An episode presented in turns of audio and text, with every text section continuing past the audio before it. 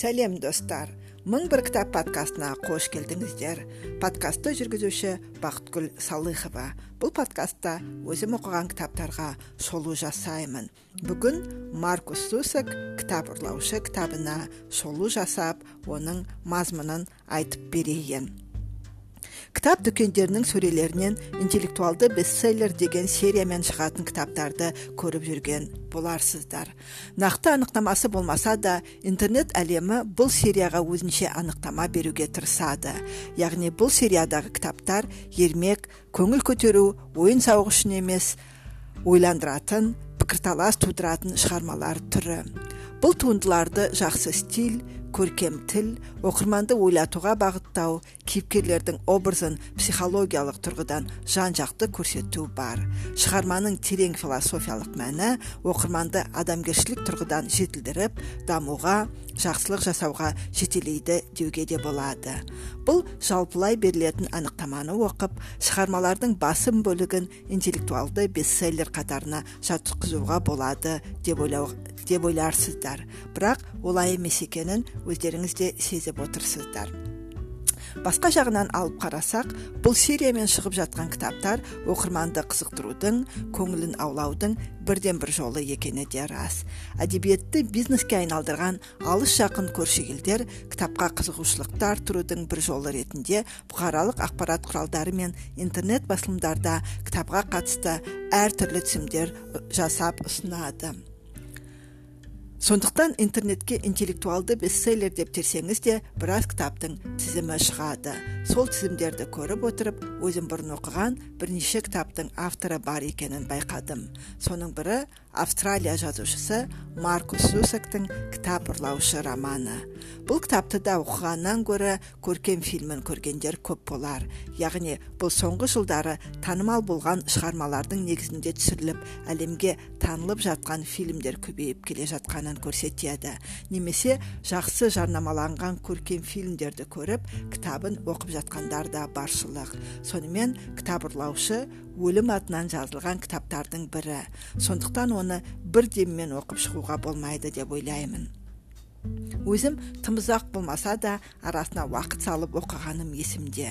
Шығарма адам рухына оның көзсіз батырлығына кейде тағдырмен ойнаса да өлім оны айналып өтетініне әлі де жарық сәулесін көретін талқаны таусылмаған адам барлық қиыншылықты өткеретініне сенім ұялатады сонымен бірге кітап пен сөздің құдіретіне қошемет пен мадақ айтылады.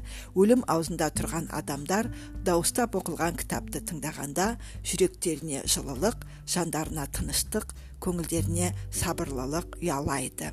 Кітаптың авторы маркус зусак 1975 жылы сиднейде австралияда туған. Алты роман жазған жазушы. Ең танымал романы кітап ұрлаушы 2006 жылы жарық көрген. 2013 жылы романның желісі бойынша фильм түсірілген. 2014 жылы маргарита эдвардс премиясын алған. Жаңағы айтқандай баяндау өлім атынан жүргізіледі. Өлімнің міндеті тірілерге мән бермей өлгендердің жанын мәңгіліктің тасымалдағышына апару. Бірақ өлім ережені бұзып кітап ұрлаушы деп атаған қыздың артынан аңди бастайды. Өлім қызды үш рет кездестіреді. Бірінші рет оның інісі қайтыс болғанда екінші рет ұшқыштың жанын алуға келгенде үшінші рет бомбалаудан кейін. Дәл сол кезде қыз өзі туралы жазып жатқан кітабын жоғалтып алады. Өлім оны сақтап қойып қыздың тарихын айта бастайды. Германия 1939 жылдың қаңтары. Анасы қызы мен ұлын асырап алатын отбасына алып келе жатады. Әйелдің із түссіз жоғалып кеткен күйеуі коммунистермен байланысты болғандықтан балаларын фашистерден тығу үшін оларды бейтаныс адамдарға беруге мәжбүр. Жолда ұлы қайтыс болады да оны аты жоқ бір станцияда жерлейді. Жерлеушілердің бірі кітабын түсіріп алғанда қызы лизель мемингер кітапты алып қояды. Содан бастап кітап ұрлаушыға айналады.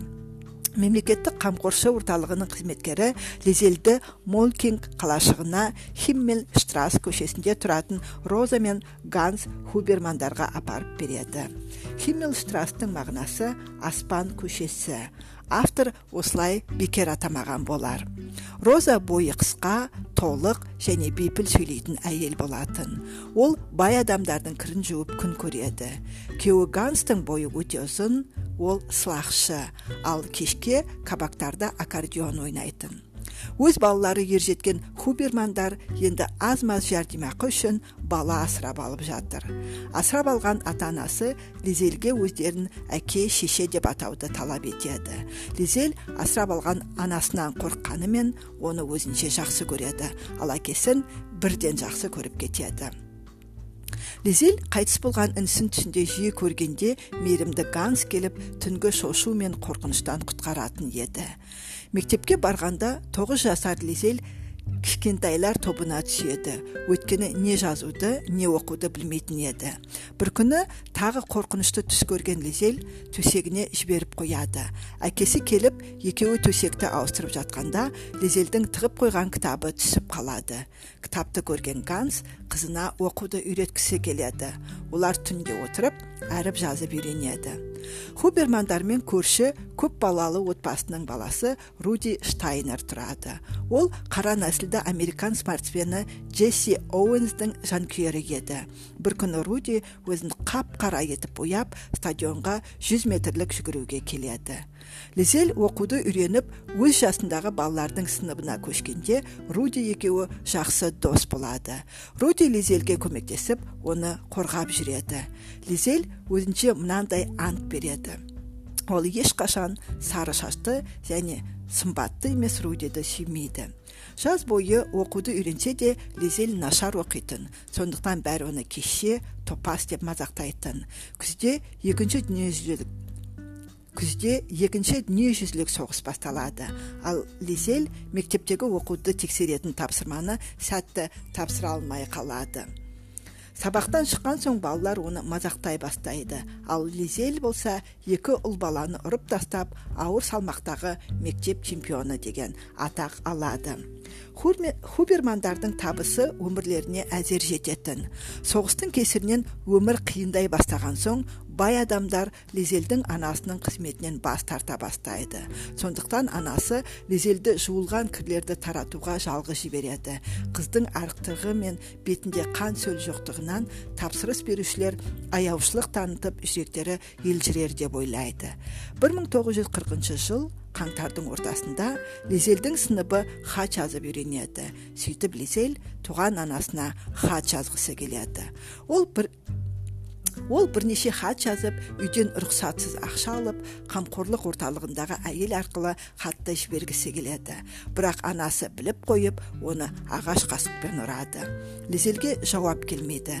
Бірақ ол тың тыңдап әке шешесінің әңгімесінен анасын олардың алып кеткенін естиді. 1940 жылдың 20 сәуірінде гитлердің туған күнін тойлайды. Молкингте ескі заттар мен зиянды кітаптарды өртеп үлкен алау жағады. Осы күні ганс есейген ұлымен ұрысып қалады. Өйткені хуберман гитлер жағында емес еді. Сол үшін фашист ұлы оны кінәлайтын. Кейін өлім ганстың ұлы сталинград шайқасы кезінде қаза болғанын айтады. Кешке алау сөне бастағанда лизель мен әкесі жанынан өтіп бара жатады. Бір екі жанбай қалған кітапты көрген лизель жүгіріп барып біреуін алып киімнің ішіне тыға салады. Бірақ оны губернатордың ессіз әйелі фрау герман бақылап тұрады. Бірақ ешкімге айтпайды. Әлі де бықсып жанып жатқан кітап лизельді күйдіріп барады. Сондықтан амалын тауып кітапты шығарып алады. Лизель фрау германнан қорықса да оның үйіне барып жууға төсек орын жабдықтарын алып тұратын. Бірде фрау герман лизельді үйіне шақырады және кітапқа толы бөлмеге апарады. Лизель мұндай бөлменің болуы мүмкін екенін тіпті көз алдына елестете алмаған еді. Одан кейін өлім макс ванденбург есімді еврей туралы айтып береді. Ол тығылып жүріп қатты ашықса да аман қалады. Бір күні досы вальтер куглер макске гитлердің менің күресім кітабын әкеп береді. Ішінде жалған құжаттар карта және кілт болады. Оған қоса ганс хуберманның есімін айтады. Макс макс пойызға отырып молкингке жетеді жаз басталады түні бойы лизель оттан шығарып алған кітабын оқиды ал күндіз бургомистр кітапханасындағы кітапты оқиды ол фрау германның неге есі ауысып қалғандай болғанын түсінеді өйткені оның ұлы соғыста қайтыс болған және оны сақтай алмағанына анасы өзін кінәлайтын ойнап жүріп лизель мен руди 15 жасар артур бергтің бақ пен бақшаларды ұрлаушы шайкасына қабылданады. Аздап жағдайлары түзеледі бірақ олар ұрлаған нәрселерін үйге әкеле алмайды. Сондықтан үйге жетпей жеп қоюларына тура келеді.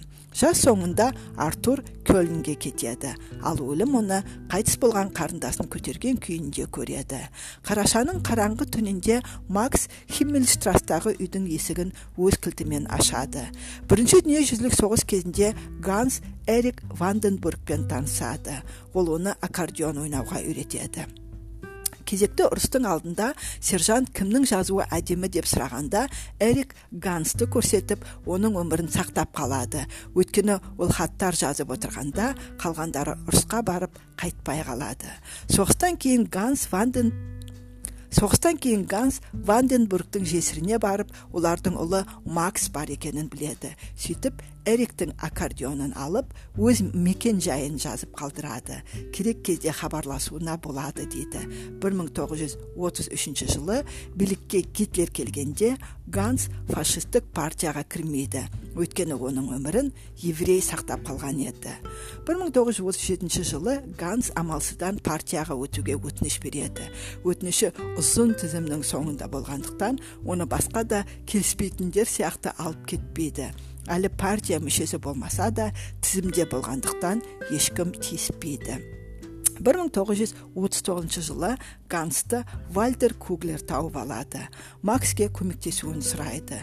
Хуберман келіседі және темекіге фюрердің кітабын айырбастап алып беріп жібереді.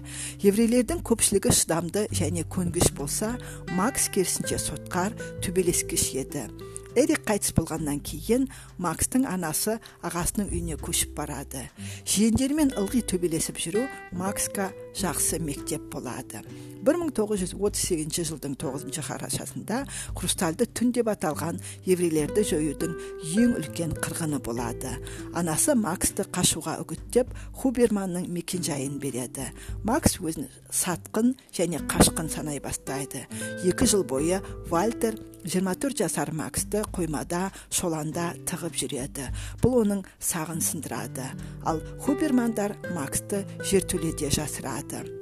Автор былай жазады шапалақпен жағыңнан тартып жібергенде де жымиып жүру қандай екенін елестетіңізші. Ал енді 24 сағат бойы сондай әсерде болсаңыз ше еврейді тығуды дәл осы сезіммен салыстыруға болады.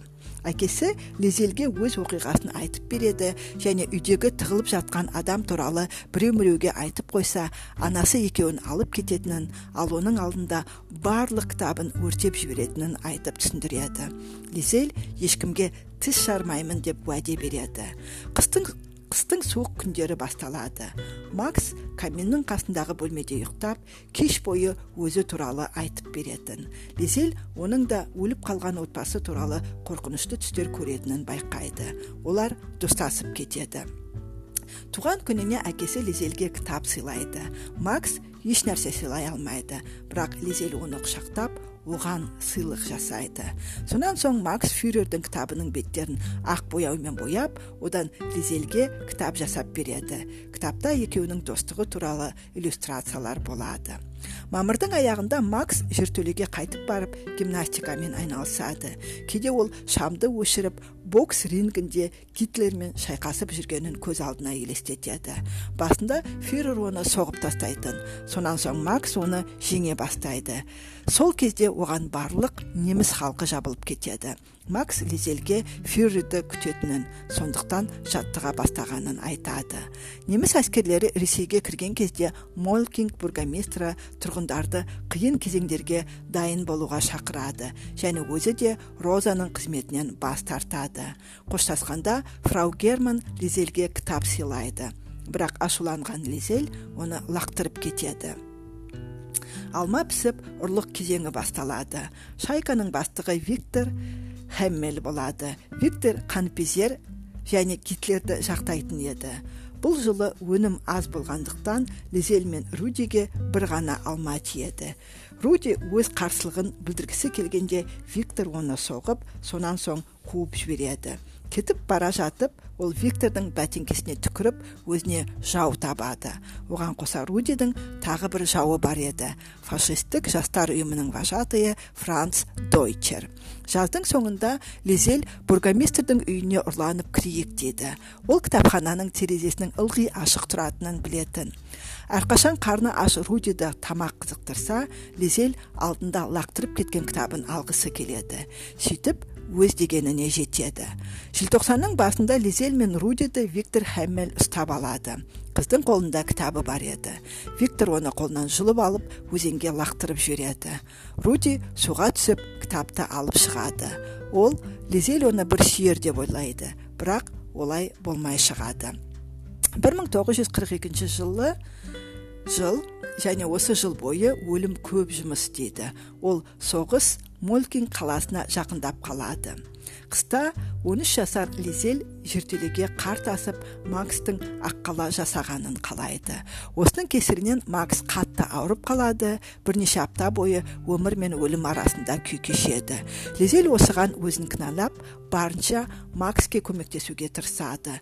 Лизель оған түрлі сыйлықтар кепкен жапырақ түйме кәмпиттің қағазын әкеліп кітапты дауыстап оқып беріп жүреді. Бір күні макске өлім келеді. Бірақ макс оған тойтарыс беріп аман қалады. Лизель оқыған кітабының соңына жетеді.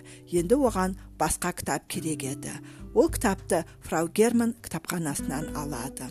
Оны да макске оқып береді. Ал ата анасы егер макс өліп қалса оның денесін қайда қоярларын ойлап бастары қатады. Бірақ макс тірі қалады да сәуірдің ортасында жертөлеге қайтады. Көктем кезінде партия мүшелері үй үйді аралап бомбадан сақтанатын жертөлелерді іздей бастайды лизель оларды байқап қалып әдейі тізесін жарақаттап әкесін шақырып белгі береді макс тығылып үлгереді оны тауып алмайды осы кезде ганс хуберманға жұмыс шығады. Ол жалюздерді қара түске бояушы болады. Кедейлерден ақшаның орнына бір кесе шай немесе жарты темекі алатын. Лизель әкесіне көмектесіп жүргенде руди жаттығу жасайтын. Тамыздың ортасында гитлер югент ұйымы спорт фестивалін өткізуді жоспарлайды. Руди сол жерде жүгіруден төрт жарысты ұтып сөйтіп франц дойчердің алдын орағысы келеді. Руди үш медаль жеңеді ал төртіншісінде оны ережені бұзған үшін мәреден шеттетеді ол мұны жеңілгісі келмегендіктен әдейі істейді руди медальдарын лизельге сыйлайды. Оның абыройы асып керемет спортшы деп танылады. Тамыздың аяғында кітап ұрлағыш қызымыз фрау германнан тағы бір кітапты ұрлап кетеді. Терезенің жақтауына сүйеп қойған кітапты ұрлағанда кітаптың ішінде хат болады. Фрау герман қыздың кітап ұрлап жүргенін біледі және күндердің күнінде үйдегі кітапханаға терезеден емес есіктен кірерсің деп үміттенеді. Қаланы бомбалау кезеңі басталады. Хубермандар көршілердің жертөлесінде тығылып максты өз үйлерінде қалдырып жүреді. Бір күні осылай көршілерінде тығылып отырғанда лизель дауыстап кітап оқи бастайды. Және бұл адамдарды тыныштандырады. Осы туралы естіген макс тағы бір суреті бар кітапты ойластыра бастайды. Келесі күні хубермандарға фрау хольцапфель келеді. Ол бұрынырақ лизельдің анасымен жауласып есіктеріне түкіріп кететін еді. Енді лизель оларға келіп аптасына екі рет кітап оқып беруін сұрайды. Ол үшін кофе алуға карточка беретінін айтады. Лизельдің анасы келіседі. Осыдан екі апта өткеннен кейін молькинг арқылы еврейлердің колоннасы өтеді. Лизельдің әкесі қарт еврейге нан береді. Сол үшін еврейді де әкесін де соққыға жығады. Осыдан кейін әкесін гестапо алып кетеді деп үрейленіп жүреді. Сондықтан макс үйден кетуге мәжбүр болады. Ал гансты гестапо алып кетпейді және ол еврейдің обалына қалдым деп қиналып ойланып жүреді. Хуберманның соңына нан емес оның орнына рудиді алып кетуге келеді. Нацистер оны арнайы мектепке алып кеткісі келеді. Бірақ әкесі алекс алекс штайнер оны бермей қояды. Осыдан кейін жазалау басталады. Ганс хуберманды апыл ғұпыл партияға қабылдайды және алекс штайнер екеуін соғысқа жібереді. Автор автор бұл жерде егер саған келіп балаларыңды алып кетемін десе сен иә деп жауап беруің керек деп жазады. Тігінші алекс штайнер вена түбіндегі госпитальға солдаттардың киімін жөндеуге ал гансты авиабомбалаудан кейін болатын өртті сөндіретін және адамдарды құтқаратын топқа жібереді. Фрау хольцаффельге арнап кітап оқу лизель үшін таптырмас жұбанышқа айналады. Молькинг арқылы бірнеше рет еврейлерді айдап өтеді. Лизель солардың ішінен максты іздеп жүретін. Бір күні руди мен лизель колоннаның жолына нан шасып тастайды. Шаршаған тұтқындар жерден нанды көтеріп жей бастайды. Мұны байқаған күзетшілерден балалар әзер дегенде қашып құтылады. Кезекті бомбылау кезінде лизель адамдарды кітап оқумен алдарқатып отырады. Осыдан кейін анасы оған макстың салған кітабын береді. Ол жерде фюрер туралы ертегі болатын. Фюрер жаман сөздердің көмегімен әлемді жаулап алғысы келеді. Бірақ оған бір қыз кедергі жасайды. Ол қыз ағаш отырғызып ағашта жақсы сөздер өсіп шығады да әлемді құтқарып қалады. Рождестводан кейін фрау германның кітапханасына тағы түскен қыз үстелде тұрған печеньяны көреді. Кітапты алып және сол кезде кітапханаға кірген фрауға рахметін айтып шығып кетеді. Печеньяны рудиге береді. Ганс әскерде жүріп бір күні машиналары аварияға түседі. Сөйтіп аяғы сынып қалады. Сондықтан оны үйіне қайтарады. Осы қуанышты хабарды лизель 14 жасқа толған туған күні өткеннен кейінгі аптада естиді. Біраздан кейін қалашықтың жанында ұшақ құлап барлығы ұшқышты көруге жүгіреді. Сол кезде өлім лизельді таниды. Ал лизель өлімнің дәл жанында жүргенін сезеді. Адамның жүрегі бір сызық ал менікі шеңбер. Сондықтан мен қажет кезде қажет сәтте болуға шексіз үлгеремін дейді өлім. 1943 жылдың сәуір айының басында ганс үйіне қайтып келеді. Оған бір апта демалыс және мюнхен әскери канцеляриясынан жұмыс береді. Гитлер соғысты жалғастырып еврейлерді жоя береді. Бірде молкинг арқылы айдап бара жатқан еврейлердің ішінен лизель максты танып қояды. Қыз ағылған топтың ішіне кіріп онымен қатар жүреді. Оны қуады шығарып тастайды соңында макс екеуін қамшымен соғады. Осыдан кейін лизель үш күн бойы төсекте жатады. Төртінші күні орнынан тұрып рудиді орманға барып макс туралы айтып береді кітабын көрсетеді. Өзінен басқа адамның осы туралы білгенін қалайды. Руди оны құшақтап сүйгенін қалайды бірақ оның батылы жетпейді. Тамыз айында лизель тағы да фрау германның кітапханасына кітап алуға барады. Бірақ бәріне кінәлі сөздер және гитлер осы сөздерді өте шебер және епті қолданатынын ойлап кітапты жыртып тастайды. Сонан соң фрау германға хат жазып енді келмейтінін айтады. Фрау герман хубермандарға өзі келіп лизельге сөзі жоқ кітап сыйлайды. Кітаптың әр беті ақ түспен боялып тасталған еді. Лизельдің хатын оқығаннан кейін бұл кітапты енді өзі толтырып жаза алады деп шешеді. Содан бері лизель түнде жертөледе отырып кітабын жазады. Кезекті авиашабуыл кезінде де лизель жертөледе отырады. Сондықтан тірі қалады. Бұл шабуыл туралы сирена да соғылмай радиодан да айтпаған болатын. Хеммельштрастағы барлық үйлердегі адамдар ұйқысынан тұрмай ақ қайтыс болады. Өлім олардың жанын алып кетеді. Лизельді құтқарушылар жертөледен шығарып алады. Ол соңғы рет рудиді сүйіп әкесінің қасына аккордеонын қойып анасының қолын ұстап ұзақ отырады. Лизельдің өмірін сақтап қалған кітап өлімге қалады. Эпилог. Лизельді өзіне фрау ильза герман алады. Жерлеуден кейін молкингке алекс штайнер қайтып келеді. Ол рудиді арнайы мектепке бермегеніне өкінеді. Соғыстан кейін шеберханасын ашады ал лизель оған көмектесіп жүреді. Сол жерде оны 1945 жылдың қазан айында макс тауып алады. Лизель ұзақ өмір сүріп сиднейдің маңындағы елді мекенде қайтыс болады. Оның күйеуі үш баласы және немерелері болған еді. Бұл романға баға беру талдау сіздердің еншілеріңізде. Ойларыңызды айтып пікірлеріңізбен бөлісіңіздер. Сонымен бүгін мың бір кітап подкастының тағы бір хабарын тыңдадыңыздар. Сұрақ қойыңыздар қызық болса кітапты алып оқыңыздар өздеріңізге әсер еткен кітаптармен бөлісіңіздер. Келесі кездескенше күнде кітап оқиық кітап оқудан жалықпайық ойымыз өсіп танымымыз кеңейе берсін. Сіздермен бірге болған бақытгүл салыхова келесі кездескенше кітап оқып бөлісіп жүре берейік.